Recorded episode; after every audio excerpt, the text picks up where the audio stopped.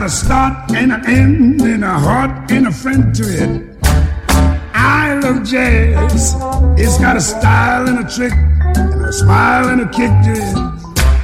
I love jazz. Well, it came up. Així, nosaltres estimem el jazz i així comencem una nova edició d'aquest eh, programa. Benvinguts, benvingudes a Jazznatics amb Rafael Corbí. and dance when they heard the brand new sound. It's got a man in a miss and a plan and a kiss to it. I love jazz. It's got a happy feeling that I never felt. Què farem en el dia d'avui? Doncs parlarem d'una novel·la. Em permetreu que em perdi una mica dins la música envolvent d'una novel·la que ens parla d'un personatge del meu poble, de la meva vila, de Palafrugell. Una novel·la que ens marca el ritme de tota una època a través de la història d'un home que creu que la música ajudarà a fer un món millor. El món del jazz, amb l'Enric Rodorres i el llibre que s'anomena Swing, allà on la vida vens, de Rafael Vallbona. Als anys 20 del segle XX, l'Enric Torres, fill d'una família d'empresaris de Palafrugell, és captivat pel ritme vital i lliure del jazz. Amb els amics funda una jazz band que on té un gran èxit a casa nostra. Quan la banda es dissol, l'Enric marxa a Londres i a Nova York, on aferma la seva idea que la música ajudarà a fer un món millor. De tornada a la Barcelona revolucionària dels anys de la Guerra Civil, descobreix que el món que va somiar s'ha ensorrat sense remei i uns milicians feixistes italians l'arresten, ja no queda ni rastre d'aquella il·lusió i esperança d'un món millor. El somni d'un músic que entre el casino de Palafrugell, Harlem i el Paral·lel haurà d'afrontar una realitat cruel, un autèntic musical. La història ens la portarà una playlist de bon música jazz que podrien trobar i que ho podem fer un bon llibre mateix, escanejant un codi QR que es troba amb aquest llibre Swing allà on la vida vens de Rafael Vallbona. I escoltarem algunes cançons, perquè amb elles començarem, com per exemple amb Paul Whiteman en His Orquestra i el Whispering amb Cine Bechet, Fats Waller i amb el Black and Blue o Sam Wooding amb Bull Foot Stomp, les tres primeres peces que escoltarem d'aquesta playlist. I després, si em permeteu, durant uns 20 minuts xerrarem amb Rafael Vallbona amb una entrevista que li vaig realitzar abans de la presentació del llibre a Ràdio Palafrugell. Per tant, eh, Rafael Vallbona i el seu llibre seran avui els protagonistes de Jasnàtics.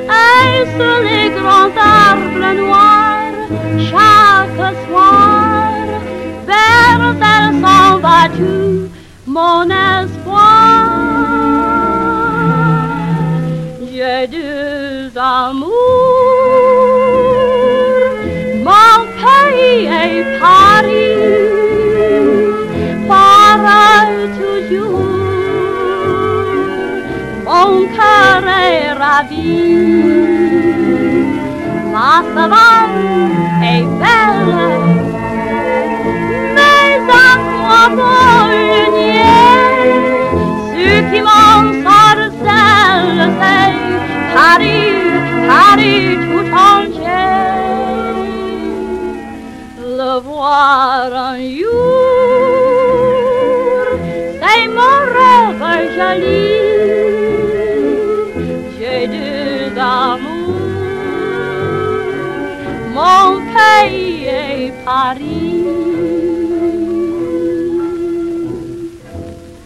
Quand sur la rive, parfois, au lointain j'aperçois un paquebot qui s'en va vers lui jetant les bras et le cœur battant de moi à mi-voix.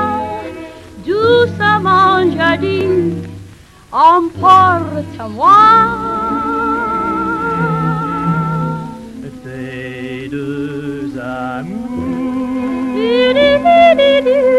ton pays est Paris, Parle toujours, Du-du-du-du-du. ton cœur est ravi, Du-du-du-du.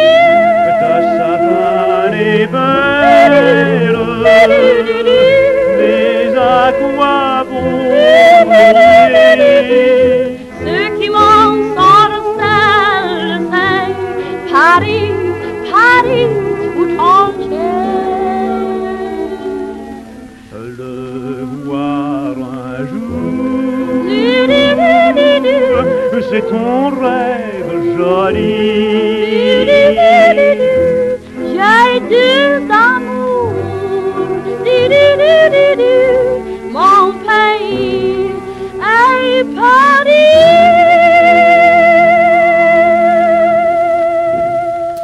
Així hem escoltat a Josephine Baker i aquest GD Amour, la peça que ens acompanyava també amb aquesta banda sonora, Sam Wooding amb Wolfwood Storm, Cine Bechet amb eh, Fats Waller, un personatge que surt molt amb aquesta novel·la, en Black and Blue, i havíem començat amb Paul Whitman, en His Orchestra, en Whisper. Anem seguint la llista d'aquesta banda sonora de Swing, allà en la vida vens, el llibre de Rafael Balbona, que trobem al Codi QR, de la novel·la, però també la podeu buscar a través de Spotify per aquesta llista, que continuarà amb eh, Ella Fitzgerald i Louis Armstrong amb Autumn in New York.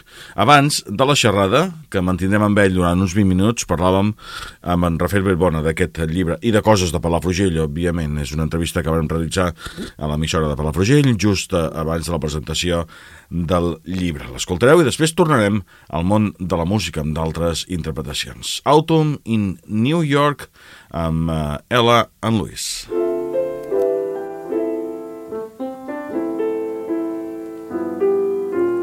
Autumn in New York. Why does it seem so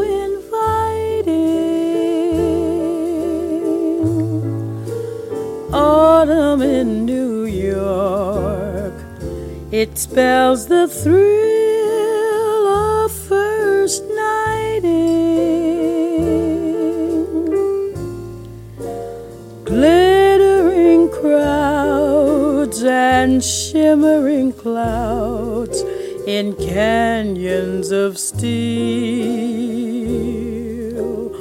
They're making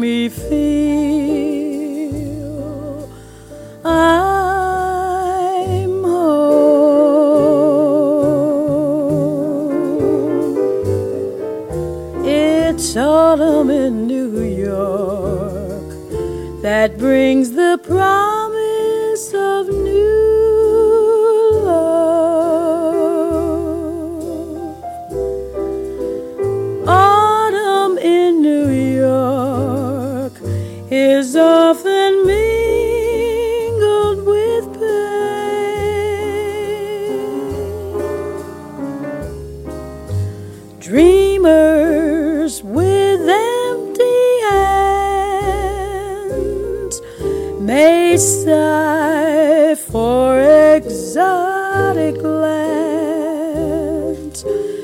It's autumn in New York.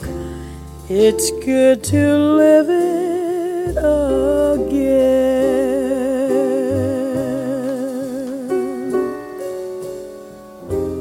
Autumn in New York. The gleaming rooftops at sundown. Oh, autumn in New York. It lifts you up when you run down. Yes, jaded ruins and giddy voices who lunch at the Ritz will tell you that it's divine.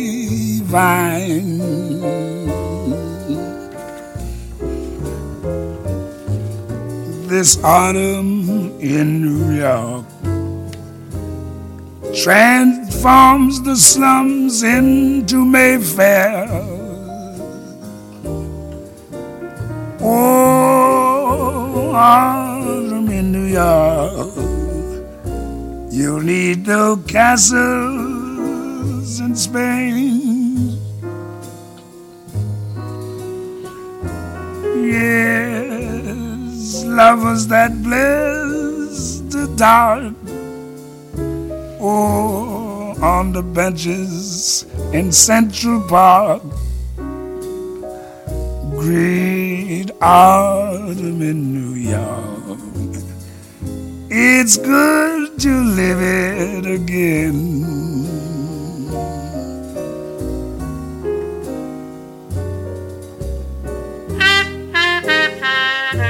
Autumn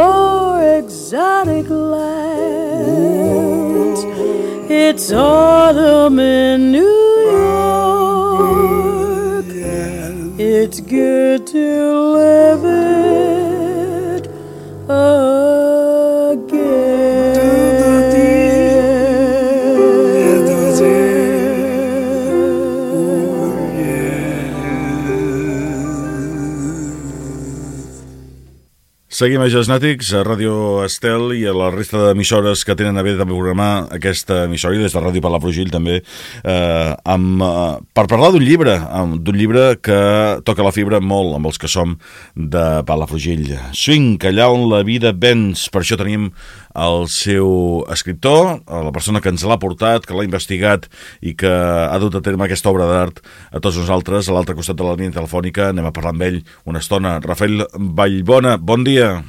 Bon dia, bon dia, Rafael, bon dia a tothom. Gràcies per estar amb nosaltres aquests minuts, eh, compartint nosaltres les impressions en d'aquest llibre Swing, que allà on la vida vens, que està basat en la història d'un palafrugellenc de fa 100 anys enrere. Quina relació té Rafael Bellbona amb Palafrugell perquè aquest llibre doncs, eh, hagi estat creat aquí a casa nostra? Bé, la meva relació amb Palafrugell és, és casual, però continuada amb el temps. No? De vegades hi ha casualitats que, que, que tenen continuïtat. No? Jo venia de petit amb els meus pares i els meus onclos eh, a passar un, uns dies de vacances, els pocs dies de vacances que a meitats finals dels anys 60 es podia permetre una família de classe obrera. Perquè la mare tenia una cosina germana que vivia aquí a Palafrugell i s'hi feien molt i vaig començar-hi a venir. Després eh, és allò que li vas trobant la, la gràcia al lloc i vaig continuar-hi venint quan, eh, amb la que llavors era la meva nòvia, després eh, eh, amb tota la família, amb la meva filla, eh, i finalment, no sé, un dia, ja fa moltíssims anys, la Carme Fanoll, directora llavors de la biblioteca, em va convidar a participar en un acte a la seva biblioteca, ens hem començat a fer amics, i ara som molt bons amics, i, i, i per això et deia que s'ha anat eh, perllongant amb el temps la, la relació amb Palafrugell. I a més a més, llamp, aquest país és petit, i de Premià a Palafrugell hi ha 100, 103 quilòmetres, que tampoc és a l'altra punta del món. Difícil no ser amic de la Carme Fonoll, eh? Uh, difícil, no, impossible. impossible perquè no només és una persona absolutament intel·lig d'una intel·ligència preclara, sinó que és d'una generositat uh, sense límits. Ho compartim. Uh, Rafael Vallbon ha escrit aquest llibre, Swing, basat en la vida d'un palafrugellenc. Llegeixo a les primeres planes, només obrir el llibre, de, que parles del carrer Girona, on te, em penso que, que estàveu, veritat? Sí. Uh, doncs devíem ser veïns, jo estava al carrer del Nord dos carrers més enllà, o sigui que igual eres un d'aquells grans que em picava de petit. No, no, però jo no he sigut mai... No, no, no, que a mi aquestes coses no, no han estat mai amb mi, aquestes coses de, de baralles de carrer, no, Molt bé. no he sigut mai d'aquests. Millor, doncs. Escolta, uh, uh, aquest llibre uh, tracta d'un palafrugellenc de fa 100 anys enrere, uh, d'un fill de Casa Bona. Uh, M'agrada molt el començament del llibre quan parles eh, d'aquestes diferències que hi havia amb el Palafrugell de la gent de Casa Bona i la gent treballadora eh, que ho passava realment malament una època en la qual la música va tenir-hi molt a veure també eh, amb aquestes classes. Eh, com és que mm, vares endinsar-te dins aquesta història de la protagonista d'aquesta novel·la? Doncs mira, també va ser una altra qüestió de l'atzar. Jo vaig anar un dia eh, a dinar en aquest, eh, en aquest restaurant que a Aigua Blava que es diu Toca al Mar, eh, que és la- l'antiga terrassa de Can Garreta, eh, de, de tota la vida, i quan demano la carta de postres eh, hi ha una foto d'una orquestina, d'allò que llavors se'n deia una jazz band, eh, dels anys 20, i llegeixo a sota un peu de foto molt escuet que diu la- l'orquestina Red Ribbons de Palafrugell, que als anys 20 va tenir un notable èxit eh, a l'Empordà i, a tot, i a totes les comarques de Girona. Mm, com que punt número 1, soc tafaner de mena, punt número 2, m'agrada molt el jazz, doncs vaig fer una foto amb el telèfon, vaig començar a buscar informació per curiositat, eh, allò. No vaig trobar gran cosa, molt poc, eh, i fins que al final vaig parlar amb la Carme Fanoll i li vaig dir qui em pot donar informació d'això, i em va adreçar a, a, l'Oriol Uller, que, que, que és un savi de la música eh, i de, i de la música que es fa a l'Empordà i ell em va obrir molt les portes, però bueno, també en David Figuerola, en Joan, el director actual de la biblioteca, eh, la Paquita i la Conxita del, del, del magnífic i envejable arxiu de Palafrugell, vull dir que és moltíssima gent amb qui he anat connectant que m'han facilitat tota la informació que he necessitat i, i, no, i molta més que m'ha ajudat a, a, obrir, a obrir la perspectiva. Qui és aquest eh, personatge, aquest Enric Torres? Eh, comencem el llibre escoltant ja uns noms carismàtics de Palafrugell, parlant del, del mercantil, parlant eh, del fraternal, parlant de, de cognoms com Gica, com Genís, que són tant de Sí. casa nostra i de, del món del, del suro. Però l'Enric Torres, qui era? Que és el personatge central del llibre. Uh, L'Enric Torres és un suposat personatge eh, com, igual que el Gic, el Genís, que tota aquella gent que va formar l'Orquestina Red Ribbons, que eren fills de, la, de famílies de la indústria sorotapera, eh, que en aquell moment era una indústria que, que, que tenia puixança i que, a més a més, eh, atorgava als, als seus empresaris un aire cosmopolita perquè, perquè exportaven molt i, per tant, estaven constantment en contacte amb l'estranger, eh, amb Europa. Eh, aquests nois, molts d'ells, les famílies els van enviar un any a estudiar a l'estranger, uns a París, uns a Berlín, altres a Londres, i allà descobreixen el jazz, lògicament. Perquè, evidentment, quan un se'n va estudiar a l'estranger, a les nits no es queda a la seva habitació llegint. Vamos, sí, potser hi ha gent que ho fa, però ells ho perden. Bueno, ni, Eh. molts ni la nit ni el dia. bueno, de vegades el dia es necessita per dormir. doncs, eh, to, quan torna aquí, eh, contacta tots aquests amics, ja han creat l'orquestra, ja han fet una primera actuació. Eh, l'orquestra Red Ribbons va, va debutar eh, exactament a les festes de maig de Figueres, eh, al, al casino Esport Figuerenc, que estaven a, a, a 150 metres de casa en Salvador Dalí. Vull dir que no, no, no, és gaire, no és gaire lluny. I que, per tant, tot tenia un aire com molt de modernitat, perquè el jazz és a la modernitat perquè és, és, el que, és el que vull explicar des del primer minut en aquesta novel·la, i per això em va interessar la història dels Red Ribbons. Per què? Perquè els Red Ribbons són un element, un element que explica la transformació de, del poble vuitcentista de Palafrugell amb la petita ciutat cosmopolita i moderna del segle XX. I això em sembla fonamental. Jo, hi ha una foto, que segur que tots els palafrugellencs la coneixeu, i si no la vareu poder veure aquest estiu passat en una de les exposicions de la Bienal Miseracs, que es veu en Pere Palaí, que era el director del Banc de Catalunya, el banc més important de la vila, el que deixava els crèdits als empresaris, amb una BSA 650 Leasing, pels que no sàpiguen què és això, és una, una motorassa de l'època. A més a més, aquest senyor era fotògraf.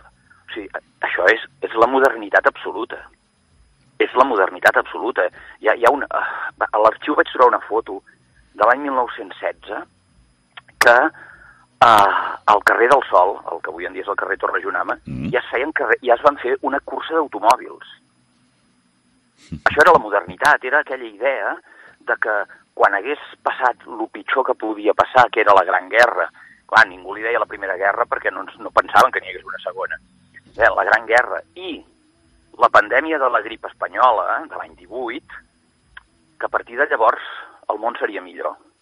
Per què? Perquè hi hauria més justícia social, que hi començava a haver-hi, perquè la riquesa estaria més ben repartida, que Déu-n'hi-do a Palafrugell si això funcionava bé, perquè en els moments més durs de crisi la cuina econòmica va funcionar immediatament i l'Ajuntament eh, va intentar contractar molta gent. Gràcies a això es va fer, per exemple, la carretera de Tamariu. Eh, i, i perquè la, la sanitat, la medicina, la tecnologia ens ajudaria a tots a ser millors. I el jazz seria la banda sonora que ens atorgaria el plaer d'aquesta millora.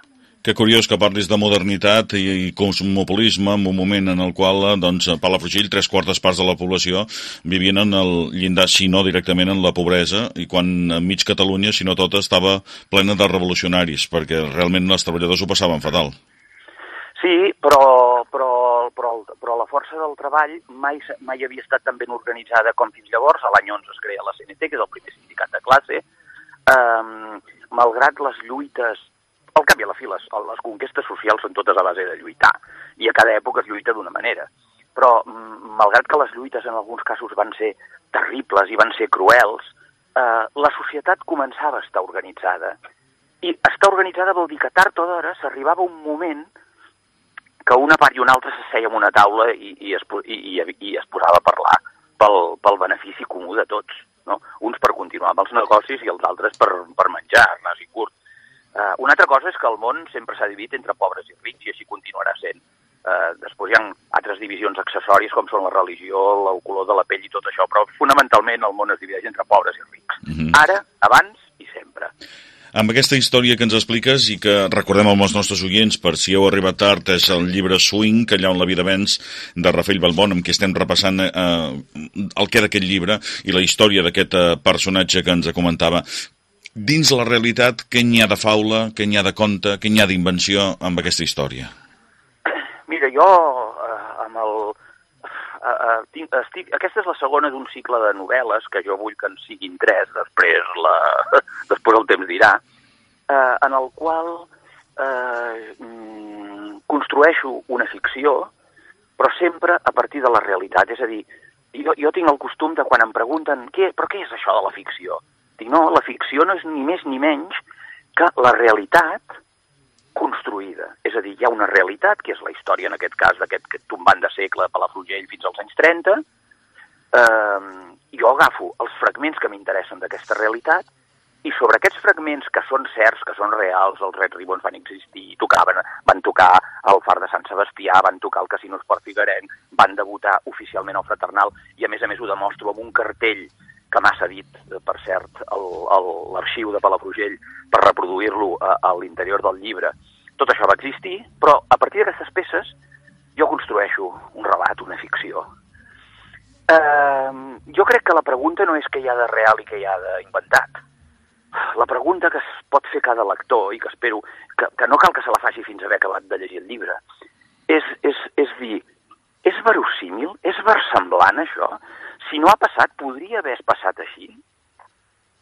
I crec, crec que la resposta serà afirmativa. Després una altra qüestió és el plaer de llegir. Jo crec que és un llibre que per damunt de tot reclama i reivindica el plaer de llegir, de tirar-te de cap a les pàgines i deixar-te deixar-te embolcallar per les paraules i tirar endavant amb la història de la, múltiple de l'Enric Torres, que comença per la Frugell, però que recorre mig món. Efectivament, perquè viatja moltíssim i la seva carrera l'ha de continuar una mica desencisat, el personatge després de tot el que ha tocat patir en aquest món. Recordem que estem en una etapa força dura, a part de tot això que comentaves tu abans, doncs, que estàvem molt, me, molt millor, eh, acabar la Primera Guerra Mundial, i el crac del 29, etc etc. no?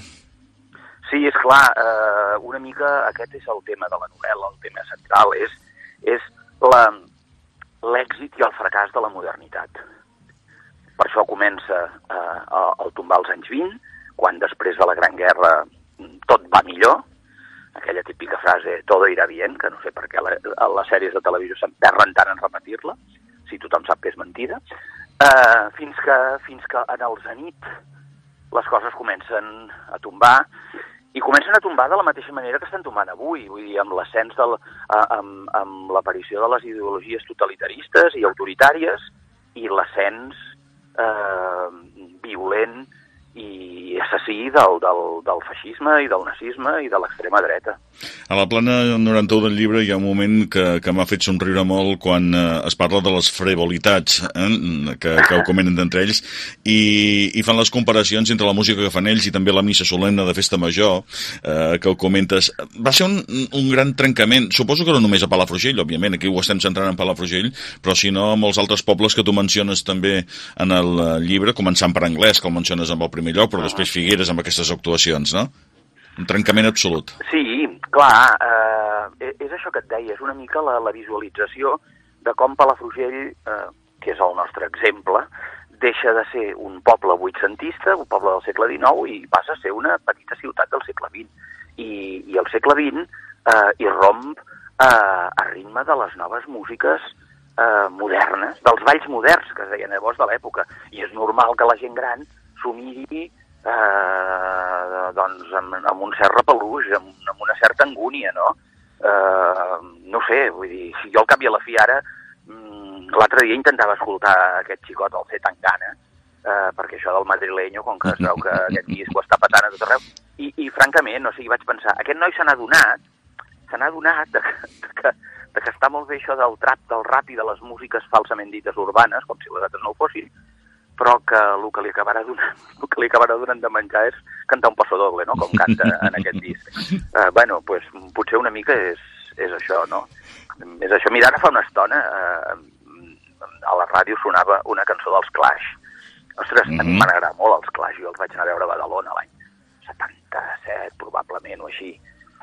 Però, però tinc, sí, tinc els seus discos, però, ostres, no me'n recordo l'última vegada que els vaig posar.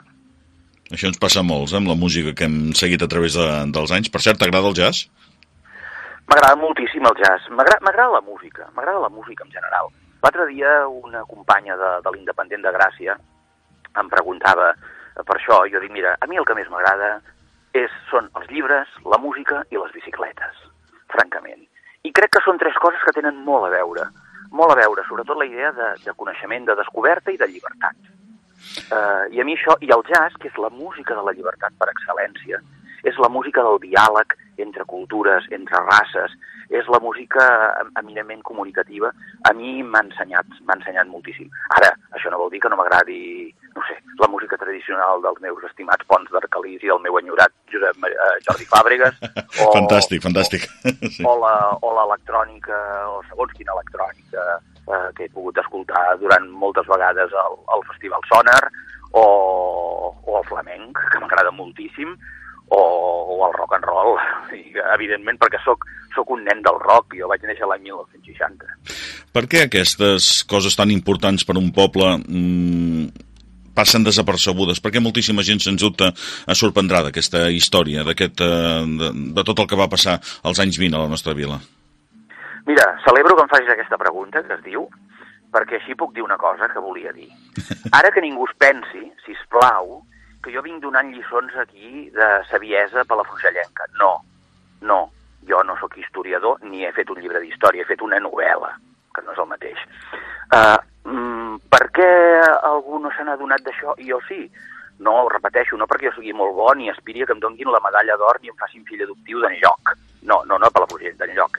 No, perquè, bueno, perquè el nas, que és una cosa que em va bé per subjectar les ulleres, perquè si no no hi filo, eh, el nas és una cosa que eh, els que vam est estudiar periodisme fa anys, el- els d'ara no ho tinc tan clar, eh, vam desenvolupar molt. I aquest nas ens diu, uf, aquí hi ha una bona història.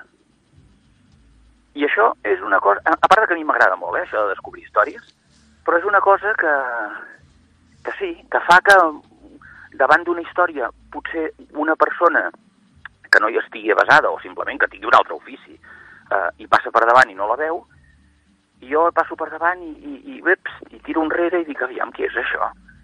I, i aquesta història dels Red Ribbons eh, i, i del Palafrugell eh, del tombant de segle, a mi em va servir per explicar aquesta història del, del, de l'èxit i de l'ocàs de la modernitat d'ara fa un segle.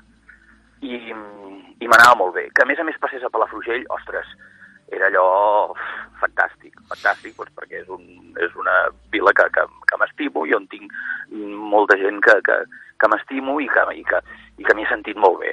A més, t'ha t'ha servit per uh, retrobar-te amb persones de la teva... Has comentat infantesa, quan veníeu aquí, de, de, de, de la teva adolescència. Bueno, més, més que en persones, en, en situacions, en circumstàncies, perquè, esclar, les he anades a buscar, no? Eh, moltes altres vegades he, he anat venint a Palafrugell i no he estat potser tan atent a això, però, però jo que sé, recuperar, per exemple, el que era l'antiga estació de la Sarfa, amb el, amb el cafè aquell del costat i el quiosc, on havia anat a comprar manta vegades diaris i revistes, i, perquè tenien revistes franceses. Um, eh, saps, el, els matins aquells de diumenge de mercat, eh, aquestes coses així, aquests sou- souvenirs d'enfants, eh, al final, vull dir que això l'únic que demostra, saps què és? Que comencem a tenir una edat. Que ens comencem a fer grans i pensem amb la Sarza al carrer Torres i Junama, amb l'Ar- amb l'Arlequín, que corria per allà al costat, eh, amb el bar, i, i com deies tu també, anar a comprar el diari, o allà al Camp Pere Negre, que, que hi anava jo, a l'altre costat. Sí que déu nhi les coses que, que fèiem amb aquells barris de Palafrugell. Palafrugell que ha passat a la història, igual que passarà el Palafrugell d'avui en dia, que és el modern, també passarà a la història. Per tant, eh, deixarem que algú altre ens ho expliqui Sí, d'aquí uns anys però amb aquestes històries. Digues, escolta'm, digues. D'aquí 100 anys, tu. Sí, eh, d'aquí 100 anys tots calvos, que deia aquell. Eh, Rafael Vallbona, un plaer parlar, parlar amb tu eh, d'aquest eh, llibre que recordem, eh, m'ho has comentat abans d'entrar de, d'entrar en directe amb la nostra programació, de que es presentarà a Palafrugell, eh, a l'Espai Fòrum, a la llibreria Vitela, el diumenge 4, no? M'has comentat? Sí, el diumenge 4 a les 12 del migdia a la Vitela Espai Fòrum. Eh, aneu a fer una volta pel mercat, veniu a la presentació del llibre eh, i després amb el llibre sota el braç aneu a fer el vermut. Planazo pel diumenge de Pasqua. És que és fantàstic. No sé si millor el llibre que el vermut, però ho intentarem. Si cas No, tot, tot, és, tot és necessari i complementari. Poques coses hi han com fer un vermut a plaça Nova amb algun racó de Palafrugell. Home, Eh, i tant que sí.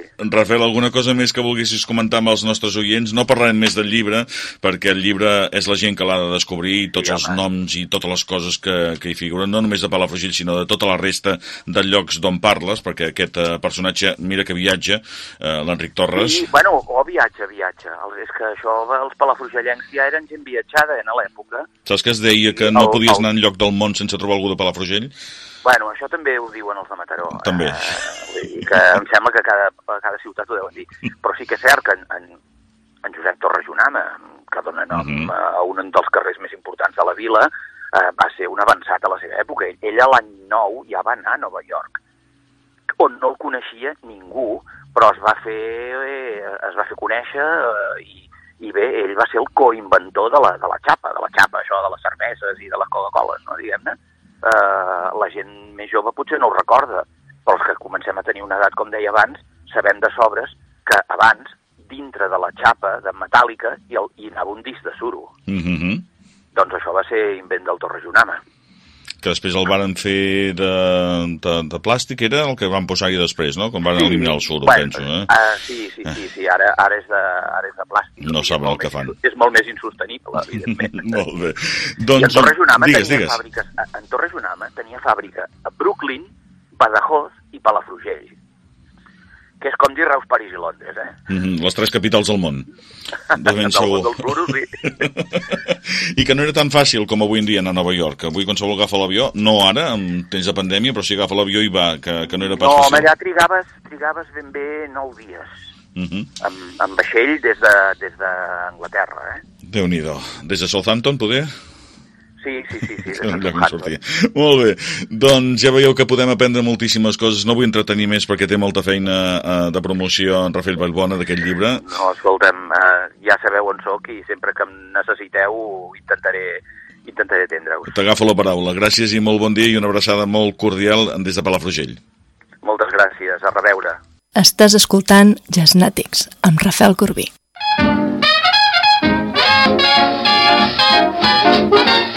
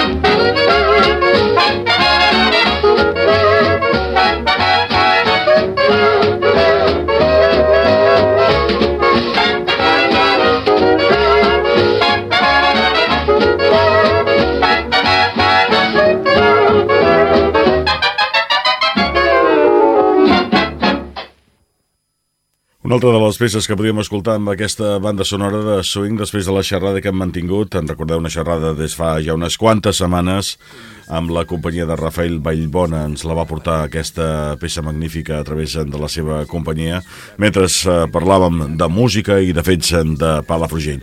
Hem escoltat l'entrevista i hem tornat a escoltar més música, en aquest cas des d'aquest codi QR i la llista de swing a la vida vens a Spotify que avui li hem dedicat al programa aquí a Jazznàtics. Eh, el llibre en parla molt eh, d'un músic català afincat a Nova York i molt important en el seu moment. Acabem d'escoltar Fletcher Henderson en Sing Your Sinners, doncs un d'aquests és l'Enric Madriguera. Aquí l'escoltarem amb el tema anomenat Adiós. Música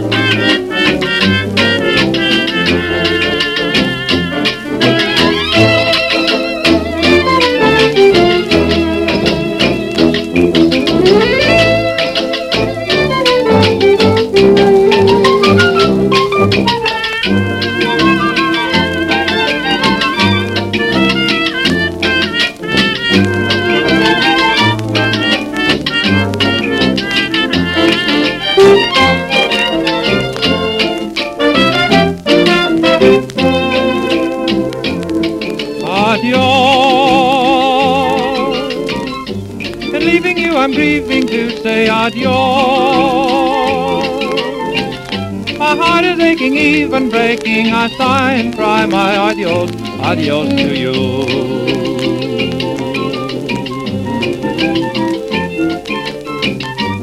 And in this heart is memory of what used to be just for you and me set apart. Moon watching and waiting above. Will be blessing our love. Adios. For happy endings I'll return, dear, to you. With the heart true, no more to bid you adios.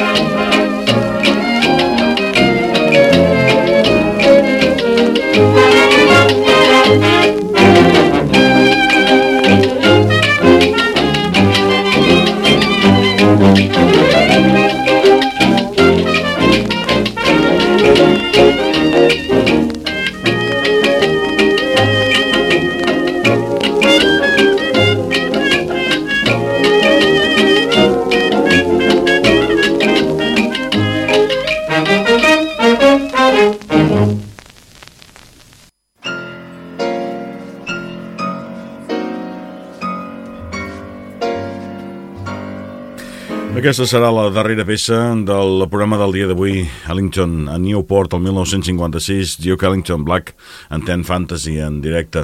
Doncs res més, espero que el programa d'avui hagi estat del vostre interès. Swing, allà on la vida vens, un llibre, més enllà de Palafrugell, un llibre per tots els amants també de la bona música i del record d'allà on venim tots els afeccionats al jazz. Busqueu-lo i n'estarem agraïts. Rafael Vallbona n'és l'escriptor d'aquest magnífic swing que allà en la vida vens, del qual ha estat un plaer parlar-ne avui en aquest programa especial de Jazznàtics. I també us recomano, aneu a Spotify, Spotify i busqueu la llista per trobar-la i escoltar la bona música que en Rafael ens ha triat per aquest espai, aquesta llista de, del llibre.